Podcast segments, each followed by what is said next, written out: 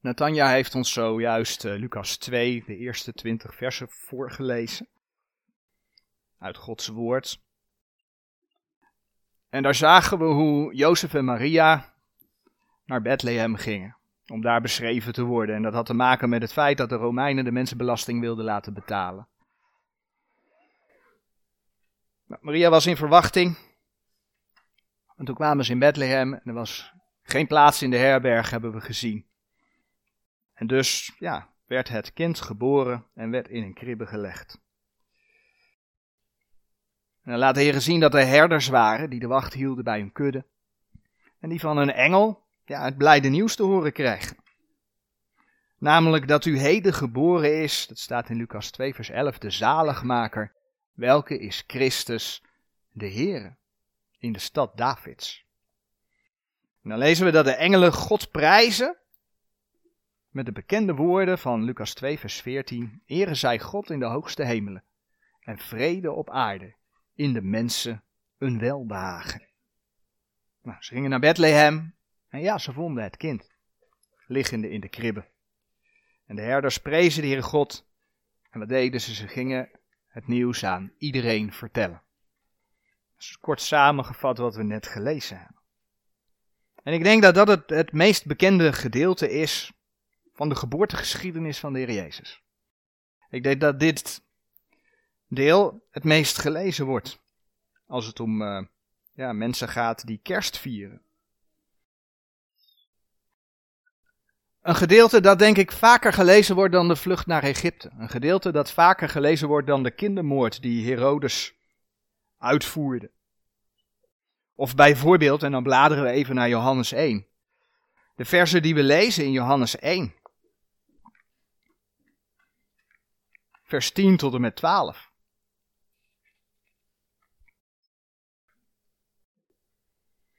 Hij was in de wereld en de wereld is door hem gemaakt en de wereld heeft hem niet gekend. Hij is gekomen tot het zijne en de zijne hebben hem niet aangenomen. Maar zoveel hem aangenomen hebben, dien heeft hij macht gegeven kinderen gods te worden, namelijk die in zijn naam geloven. Wat wil het geval? Lucas is het favoriete schriftgedeelte, want er wordt de Heer Jezus als kindje geboren, hij wordt in een kribbe gelegd.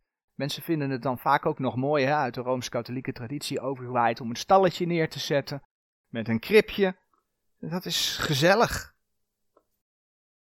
Terwijl Johannes spreekt over de godheid van de Heer Jezus Christus. Hij was God en hij heeft zichzelf vernederd en hij kwam op aarde en hij werd niet aangenomen. Hij werd verworpen. Maar dat hij God was, hè? Johannes 1 vers 1. In den beginnen was het woord en het woord was bij God en het woord was God. Nou, elke keer als er dan weer een nieuwe Bijbelvertaling komt, zijn er juist over die versen, is er dan discussie. Want ja, eigenlijk willen mensen helemaal niet geloven dat Jezus Christus God is. Daar hebben ze moeite mee, dus dan willen ze dat anders gaan vertalen.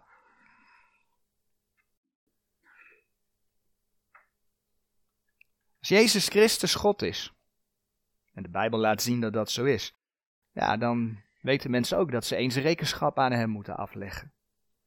Over de dingen die zij gedaan hebben. En dat is wat mensen klaarblijkelijk niet willen. Ze houden liever van een verhaal van een mooi kindje.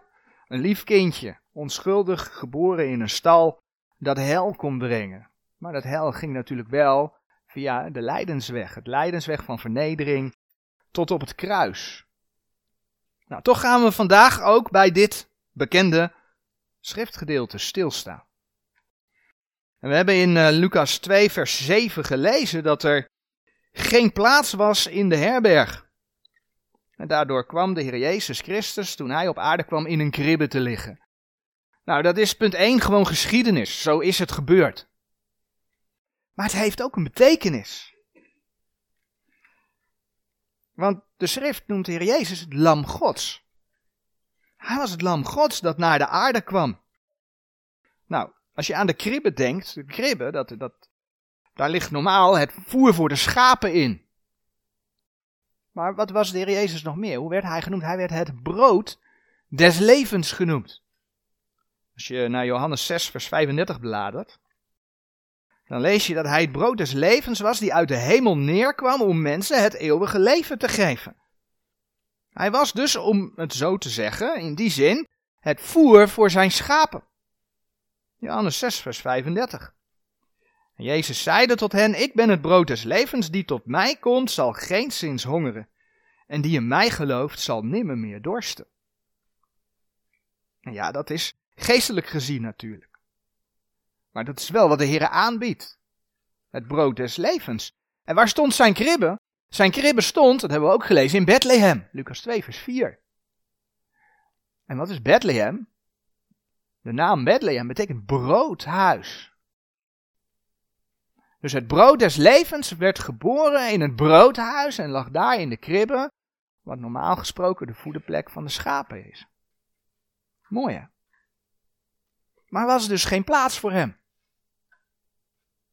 In deze wereld was en is ook vandaag de dag geen plaats voor de Heer.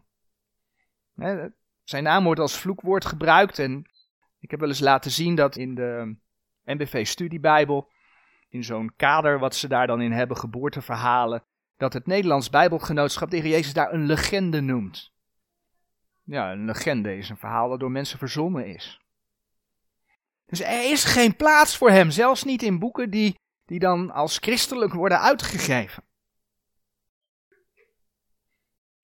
Ja, en als je dan komt met het feit dat de Heer Jezus Christus de weg tot de Vader is, de enige weg, hè, want niemand komt tot de Vader dan door mij, zei de Heer Jezus, dan hoef je daar bij mensen niet mee aan te komen. Nou, we lazen het al in Johannes 1, vers 10 en 11.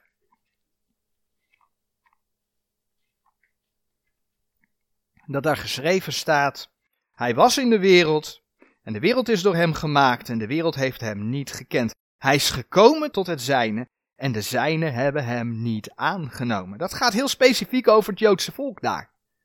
Maar als je naar de laatste dagen van deze gemeentetijd kijkt, dan zie je hoe je dat zo op de heidenen kunt toepassen. De wereld die staat onder de overste van de macht der lucht. Efeze 2 spreekt daarover, Efeze 2 vers 2. Ja, en is vijandig tegenover de Heren. Nou, als je dan ook ziet, de Heer laat zien dat als, als je een vriend van de wereld wil zijn, ben je een vijand van God. Word je een vijand van God gesteld. Jacobus 4, vers 4. De wereld en de Heer gaan niet samen. De wereld heeft de Heer ja, verworpen. En dan vinden we in Gods woord een, een mooie vergelijking. Die te maken heeft met herders, die te maken heeft met schapen en die te maken heeft met de wereld. En daarvoor gaan we naar Egypte. Egypte is in de Bijbel een type van de wereld. Egypte, dat was het land, daar heerste de afgoderij. In Egypte werd het volk Israël, werd Gods volk onderdrukt. En het was de Heere die zijn volk uit Egypte bevrijdde. Nou, als je daarover nadenkt, dan lees je daar eigenlijk zo al het evangelie in. Het was de Heere die zijn volk daaruit bevrijdde en die zijn volk bracht naar het beloofde land. Ga je naar andere geschiedenissen kijken die daarmee samenhangen, Jozef, Jozef is een type van de Heer Jezus Christus. Hij kwam naar Egypte om het volk Israël, ja, ook een vorm van te bevrijden, te bevrijden van de honger. Ander voorbeeld, Mozes. Mozes werd als verlosser naar Egypte gestuurd om het volk uit Egypte te leiden. Nou, het is de Heer Jezus die eens de zijne uit de wereld zal leiden, die de zijne thuis zal brengen. als we denken aan de opname van de gemeente. Maar als in geestelijk opzicht laat de Heer ook zien dat je als kind van God al uit de wereld getrokken bent. Egypte is dus een, een type van de wereld. Nou, over dat Egypte. En dan bladeren we naar Genesis 46.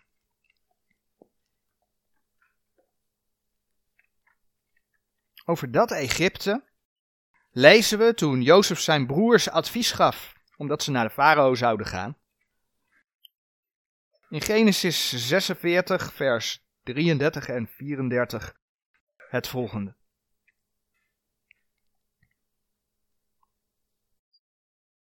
Wanneer het nu geschieden zal dat Farao uw lieden zal roepen en zeggen, wat is uw hantering? Zo zult gij zeggen, uw knechten zijn mannen die van onze jeugd af tot nu toe met vee omgegaan hebben, zo wij als onze vaders, opdat gij in het land Gozen moogt wonen. Want alle schaapherder is de Egyptenaar zijn gruwel. Want alle schaapherder is de Egyptenaars een gruwel, staat daar dan. Daar waar de Heere God dingen laat zien dat ze bijvoorbeeld heilig zijn, daar zie je dat de wereld dat afbreekt. Het huwelijk is daar een voorbeeld van. God zegt eigenlijk dat het huwelijk heilig is, dat het huwelijk rein is voor hem. Maar de wereld heeft daar niet zoveel mee. Die breekt dat af. Nou. We zagen al hoe de Heer Jezus, als het lam Gods, naar de aarde kwam, hè, als het brood des levens, om mensen eeuwig leven te geven. Nou, dat wil de wereld helemaal niet. Maar het feit dat juist ook schaapherders daarbij waren, beter gezegd, dat zij eigenlijk de eerste waren die hoorden dat de zaligmaker, welke is Christus de Heere, geboren was. Dat heeft daar ook alles mee te maken. En natuurlijk, hè, laat die geschiedenis zien dat de Heer Jezus voor gewone mensen gekomen is.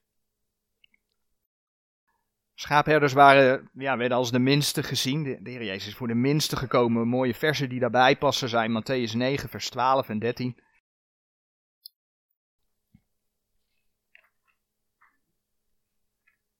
Matthäus 9, vers 12 en 13. Maar Jezus, zulks horende, zeide tot hen die gezond zijn, hebben de medicijnmeester niet van nodig, maar die ziek zijn. Doch gaat heen en leert wat het is, ik wil barmhartigheid en niet offeranden. Want ik ben niet gekomen om te roepen rechtvaardigen, maar zondaars tot bekering. Dat is wat de Heer laat zien. Maar terug naar die herders. Die herders die, die, ja, die spelen een hele belangrijke rol in de Bijbel. Als je dan in de geschiedenis van Gods woord gaat kijken, dan zie je dat, begint al heel vroeg, Abel was een schaapherder. En Abel bracht als schaapherder het juiste offer. dat kun je lezen in Genesis 4, vers 2 en 4. Abraham, Abraham was een herder. Genesis 13, vers 7. En Jacob, die later door de Heer Israël genoemd werd, Jacob en zijn zonen, dat waren herders. Genesis 30, vers 32, Genesis 37, vers 2. Mozes, Exodus 3, vers 1, was een herder. David, 1 Samuel 16, vers 11, was een herder. Hij zorgde voor de kudde van zijn vader. Eigenlijk zien we dat al die, ja, zeg maar even zo belangrijke mannen in het Oude Testament heen wijzen naar de goede herder van het Nieuwe Testament. Ze waren een voorafschaduwing, ze waren een type van de komende goede herder, de Heer Jezus Christus. Nou, dan ga je het Nieuwe Testament lezen en dan kom je tegen, bijvoorbeeld in de Hebreeën 13, vers 20, dat de Heer Jezus de grote herder der schapen genoemd wordt. En in 1 Petrus 5, vers 4 wordt de Heer Jezus Christus de overste herder genoemd. Dus dat is belangrijk. Nou, wat doet een herder? Een herder wijdt zijn schapen.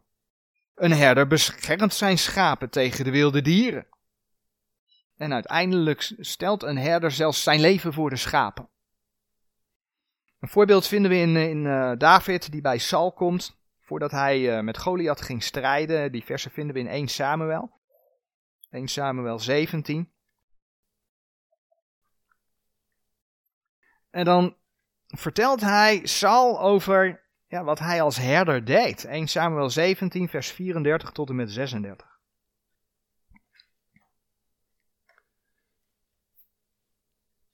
Toen zeide David tot Saul, uw knecht weide de schapen zijns vaders, en er kwam een leeuw en een beer en nam een schaap van de kudde weg. En ik ging uit hem na en ik sloeg hem en redde het uit zijn mond. Toen hij tegen mij opstond, zo vatte ik hem bij zijn baard en sloeg hem en doodde hem. Uw knecht heeft zo de leeuw als de beer geslagen. Alzo zal deze onbesneden Filistijn zijn, gelijk een van die, omdat hij de slagorde van de levende God gehoond heeft. Maar dat is exact wat de Heer Jezus voor de zijne, voor zijn schapen doet. Hij voert ze. Hij beschermt ze. Hij heeft zelfs zijn leven voor de schapen gegeven. We hebben vanmorgen al een aantal versen uit Johannes gelezen, maar als je in Johannes 10 vers 11 kijkt wat de Heer over de goede herder zegt.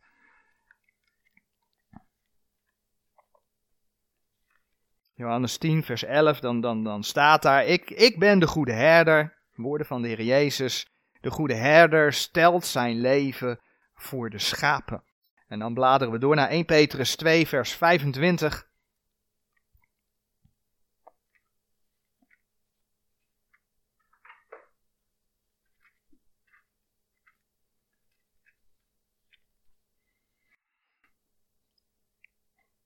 Waar de Heer ja, zegt, want gij waart als dwalende schapen, maar gij zijt nu bekeerd tot de herder en opziener uw zielen. als kind van God mag je weten dat de Heer waakt over je ziel. Nou, welke psalm is er meer bekend dan Psalm 23? De psalm waarin de Heer zichzelf beschrijft als de herder door David heen. Laten we die psalm lezen. Een psalm van David. De Heere is mijn herder, mij zal niets ontbreken. Hij doet mij nederliggen in grazige weiden. Hij voert mij zachtkens aan zeer stille wateren. Hij verkwikt mijn ziel. Hij leidt mij in het spoor der gerechtigheid, om zijns naams wil. Al ging ik ook in een dal der schaduw des doods, ik zou geen kwaad vrezen, want gij zijt met mij. Uw stok en uw staf, die vertroosten mij. Gij richt de tafel toe voor mijn aangezicht tegenover mijn tegenpartijders. Gij maakt mijn hoofd vet met olie.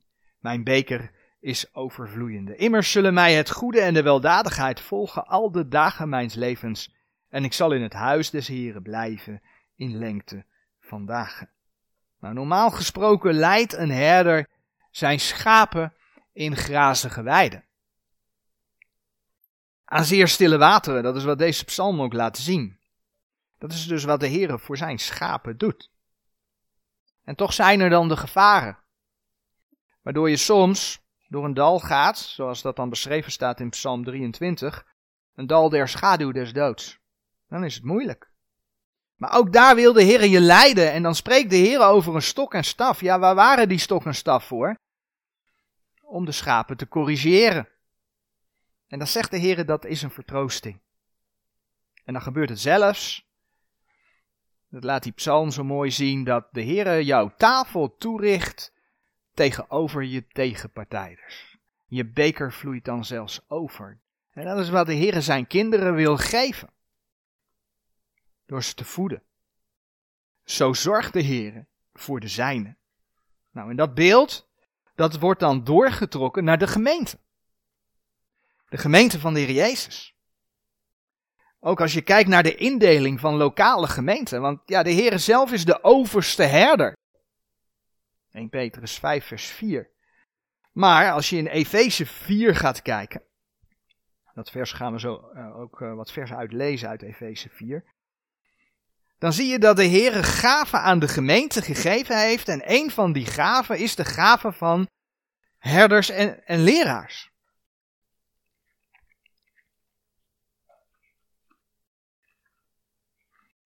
En de Heer laat dan in zijn woord zien dat die herders de kudde moeten weiden, moeten voeden met het woord van God.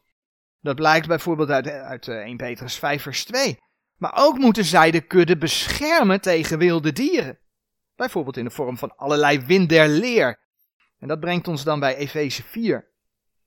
Want die herders leren de gemeente, opdat, ja, Efeze 4 vers 13 tot en met 15. Totdat wij allen zullen komen tot de enigheid des geloofs en der kennis van de Zonen Gods, tot een volkomen man, tot de mate van de grootte der volheid van Christus. Dus het is de bedoeling dat de gemeente groeit, Vers 14, opdat wij niet meer kinderen zouden zijn, die als de vloed bewogen en omgevoerd worden met alle wind der leer. Er wordt zoveel gezegd over Gods woord. En mensen worden heen en weer geslingerd. Dan hangen ze dit aan en dan hangen ze dat aan. Nee, het is de bedoeling dat je groeit in het woord van God, zodat je niet meer als de vloed bewogen en omgevoerd wordt met alle wind der leer. En dan komt hij door de bedriegerij der mensen door arglistigheid om listig tot dwaling te brengen, maar de waarheid betrachtende in liefde, alleszins zouden opwassen in hem, die het hoofd is, namelijk Christus. Het herderschap is dus niet onbelangrijk. Sterker, het is, het is zelfs belangrijk. Omdat Gods kinderen er eeuwig leven door hebben gekregen, maar ook omdat ze erdoor opgevoed worden en ze erdoor staande kunnen blijven. Te midden ja, van een duistere wereld, die eigenlijk aan elkaar hangt van bedriegerij. Nou, dat is wat de overste van de macht der lucht wil voorkomen. Want hij wil helemaal niet dat mensen bij de overste herder komen. En hij wil ook niet dat Gods kinderen beschermd zijn.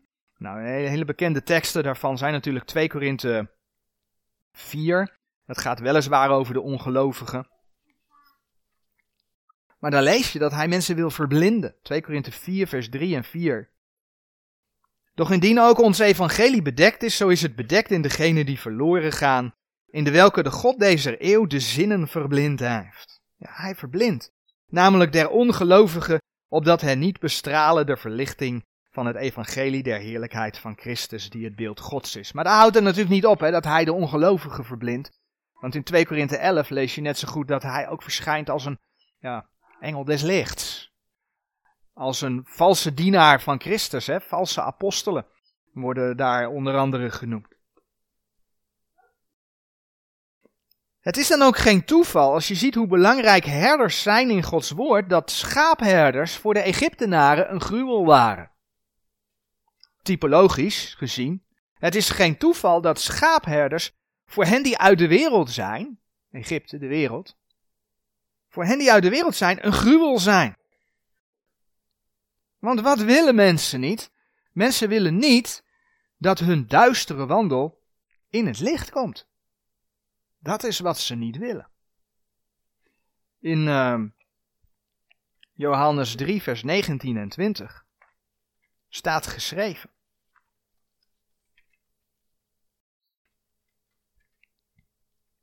En dit is het oordeel dat het licht in de wereld gekomen is en de mensen hebben de duisternis liever gehad dan het licht, want hun werken waren boos.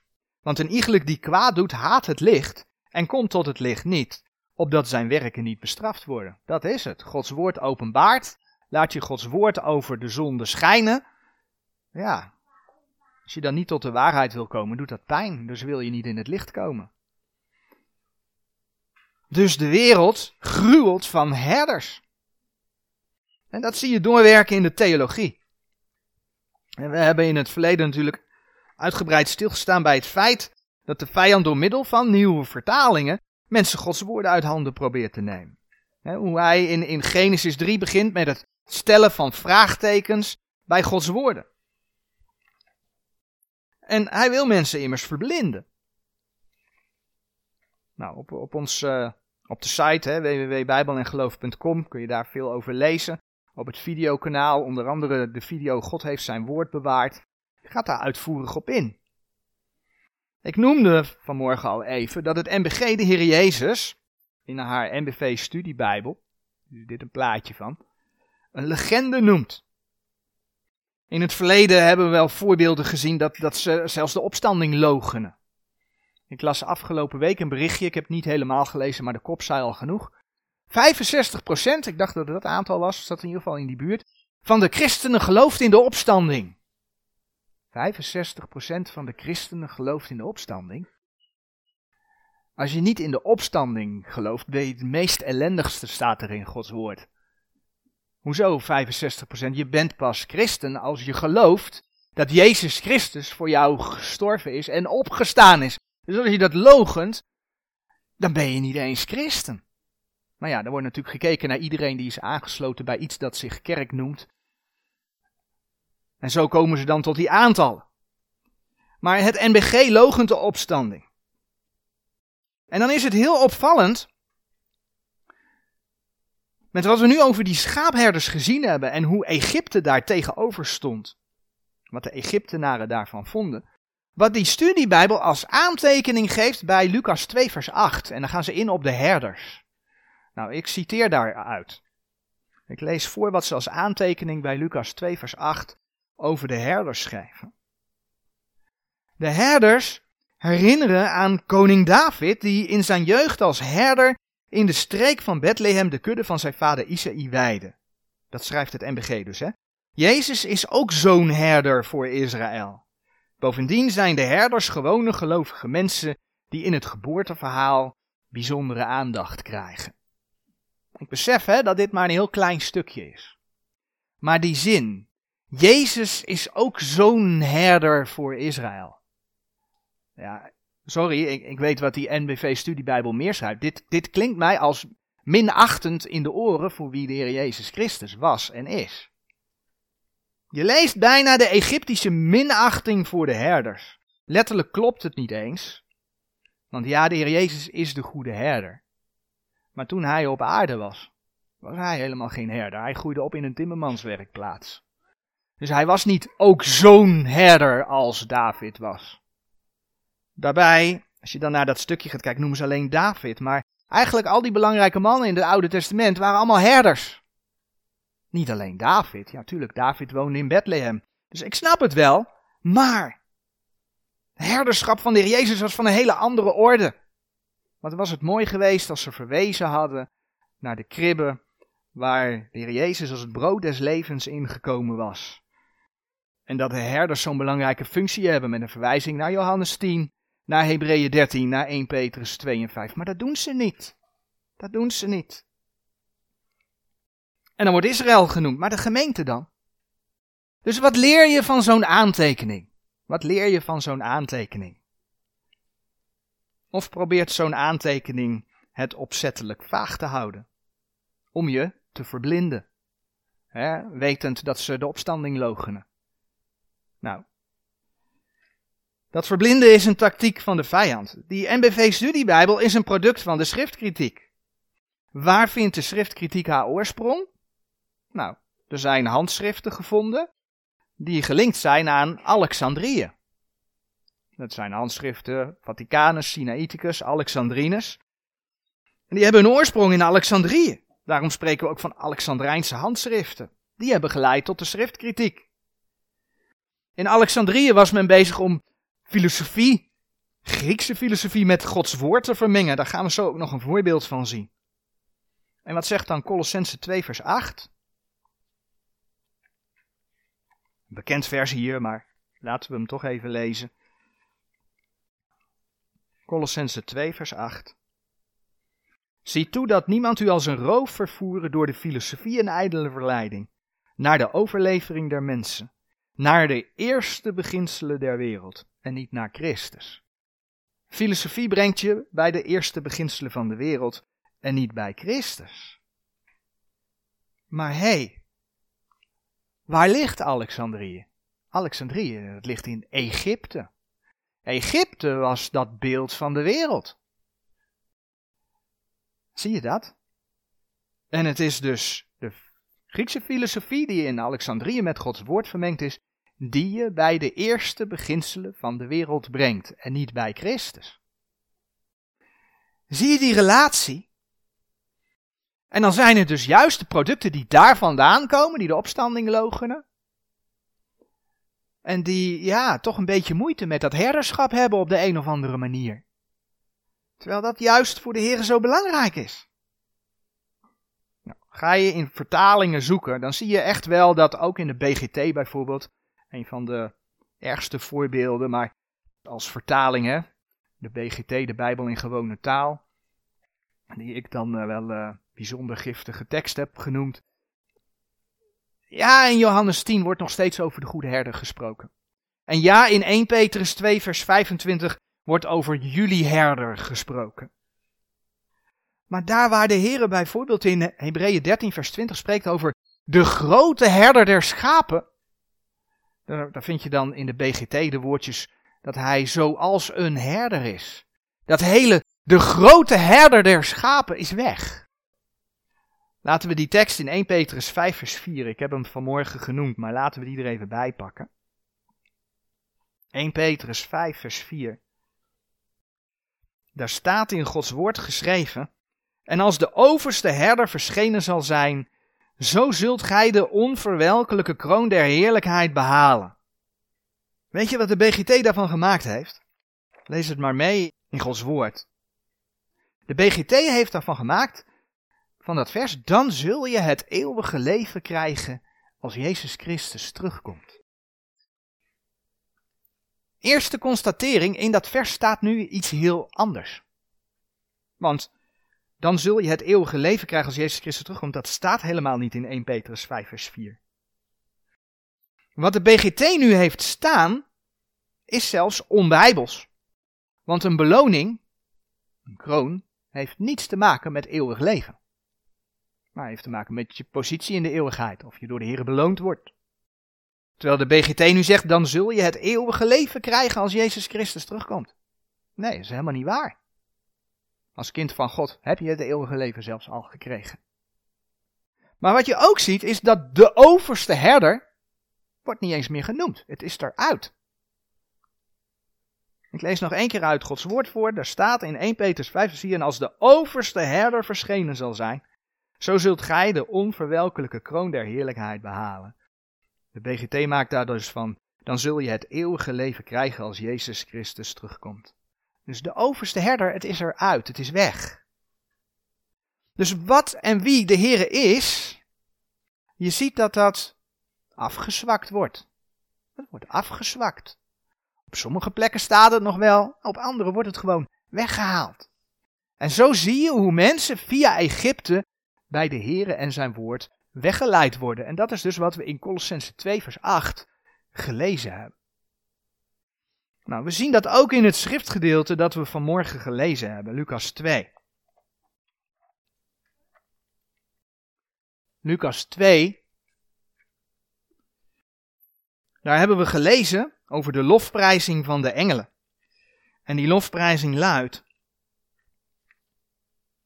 Ere zij God in de hoogste hemelen en vrede op aarde in de mensen een welbehagen. Dat vers spreekt over vrede op aarde. Nou, een vrede die ver te zoeken is. Hè? We leven weer in de kersttijd. Mensen gaan elkaar weer wensen toesturen. En dan zie je de wensen voorbij komen van vrede en eh, noem het maar op.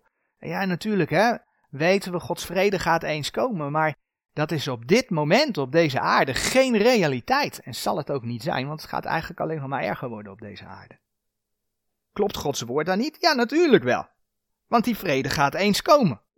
De Heer heeft het voorzegd, de bekende tekst, die met kerst ook wel vaak naar voren komt, is Jezaja 9 vers 5.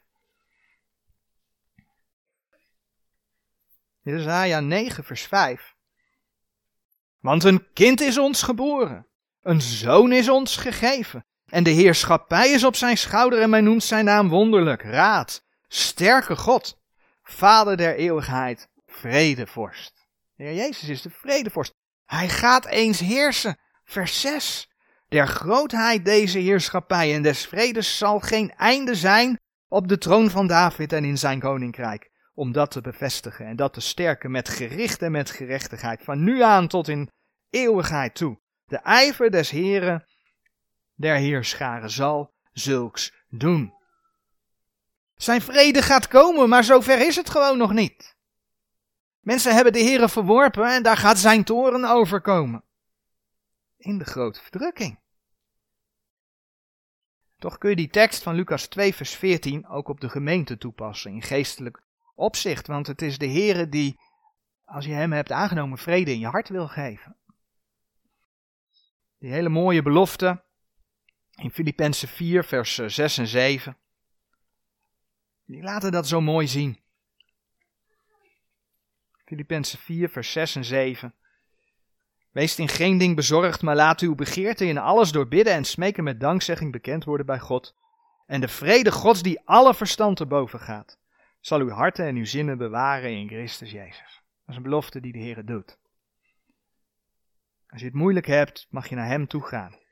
Mag je je noden bij Hem brengen. En dan belooft Hij dat Hij jou zijn vrede geeft, die alle verstand te boven gaat. De Heere geeft dan in jou een welbehagen. Dat is eigenlijk wat Lucas 2 vers 14 zegt. Dat is wat de Heere in het hart doet. Dat is wat de Heere in de toekomst op de aarde zal gaan doen, want dan gaat hij zijn vrede geven. Maar wat heeft nu de vermenging met de Griekse filosofie daarvan gemaakt? via dat Egyptische Alexandrië. Nou, NBG 51, die kwam een hele tijd geleden al met de volgende tekst in Lucas 2 vers 14. Ere zij God in de hoge en vrede op aarde bij mensen des welbehagens. Daar wordt opeens gesproken over mensen van het welbehagen, die zouden Gods vrede krijgen. Of zoals er in de Roomse Petrus Canisius vertaling staat, woorden die ook best wel regelmatig gebruikt worden, dat God zijn vrede geeft onder mensen van goede wil. Dus als jij maar goed je best doet, dan gaat God jou wel zijn vrede geven. Dat is wat er eigenlijk staat dan. Maar ja, de Heer is duidelijk in zijn woord. Romeinen 3, vers 12, er is niemand die goed doet. Er is dus niemand goed. Er is niet zoiets dat mensen automatisch welbehagelijk zijn voor God. Kan helemaal niet. je kunt als mens nog zo je best doen. Ook als ouders om voor je kind te zorgen. Ik noem maar wat, hè. Er zijn velen die daar echt wel hun best voor doen. Als je daarmee bij de Heer komt, ja, maar ik heb toch mijn best gedaan. Ja, dat kan voor de Heer niet bestaan, want zelfs dan kom je tekort voor de Heer. Daarom heb je de Heer Jezus Christus nodig, die ook voor jouw zonde gestorven is. Die ook jou wil leiden en jou wil beschermen. Wat je ziet, is dat door die invloeden van dat Egyptische Alexandrië, het positieve denken vaak de overhand gaat nemen. En dat het mensen wegleidt bij de Bijbelse boodschap, bij de Bijbelse boodschap van bekering. Dat is wat je ziet. Egypte, de wereld, brengt je niet bij Christus, maar bij de eerste beginselen der wereld. Nou, we zagen dat die Egyptenaren een gruwel hadden aan schapenherders. Maar dat gaat nog veel verder. Die Egyptenaren hadden ook een gruwel aan de offers. Kijk maar in Exodus 8, vers 26. Dat is het gedeelte waar de farao aan Mozes voorstelde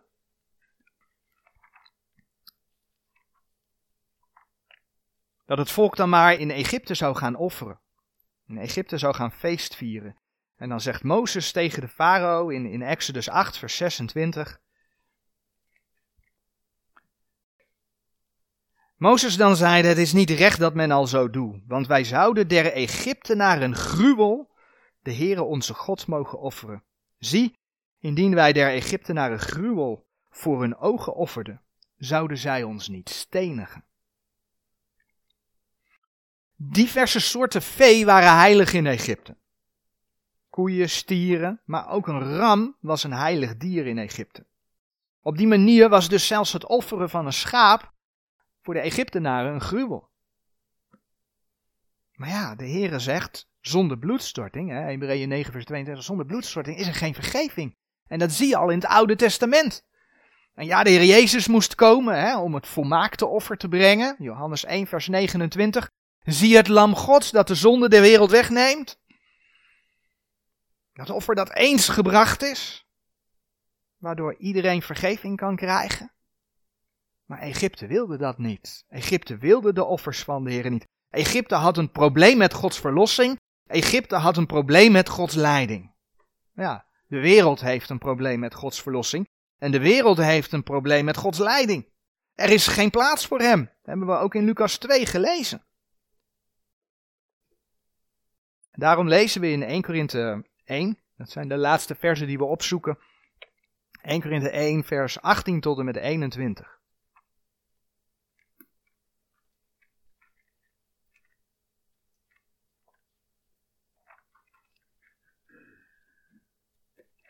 En dan zie je eigenlijk gewoon staan wat we net besproken hebben. 1 Korinthe 1 vanaf vers 18. Want het woord des kruises is wel degene die verloren gaan dwaasheid. Het woord des kruises is wel degene die verloren gaan dwaasheid. Maar ons die behouden worden, is het een kracht Gods. Want er is geschreven, ik zal de wijsheid der wijzen doen vergaan. En het verstand der verstandigen zal ik niet maken. Waar is de wijze? Waar is de schriftgeleerde? Waar is de onderzoeker deze eeuw? Heeft God de wijsheid deze wereld niet dwaas gemaakt? Want na de maal in de wijsheid Gods de wereld God niet heeft gekend. Door de wijsheid Zo heeft het Gode behaagd door de dwaasheid der prediking zalig te maken die geloven. Maar daar heb je het. Het woord van het kruis is in de ogen van de wereld dwaasheid. De wereld wil het niet, Egypte wil het niet, de wereld wil het niet. De boodschap van het evangelie is dwaasheid. En ja, daardoor passen ze het aan. En doordat ze het aanpassen, raken ze nog verder van de waarheid af. Ja, gaan ze verloren. En dan heb ik het natuurlijk niet over een kind van God die zich laat meeslepen. Die een afval van geloof raakt.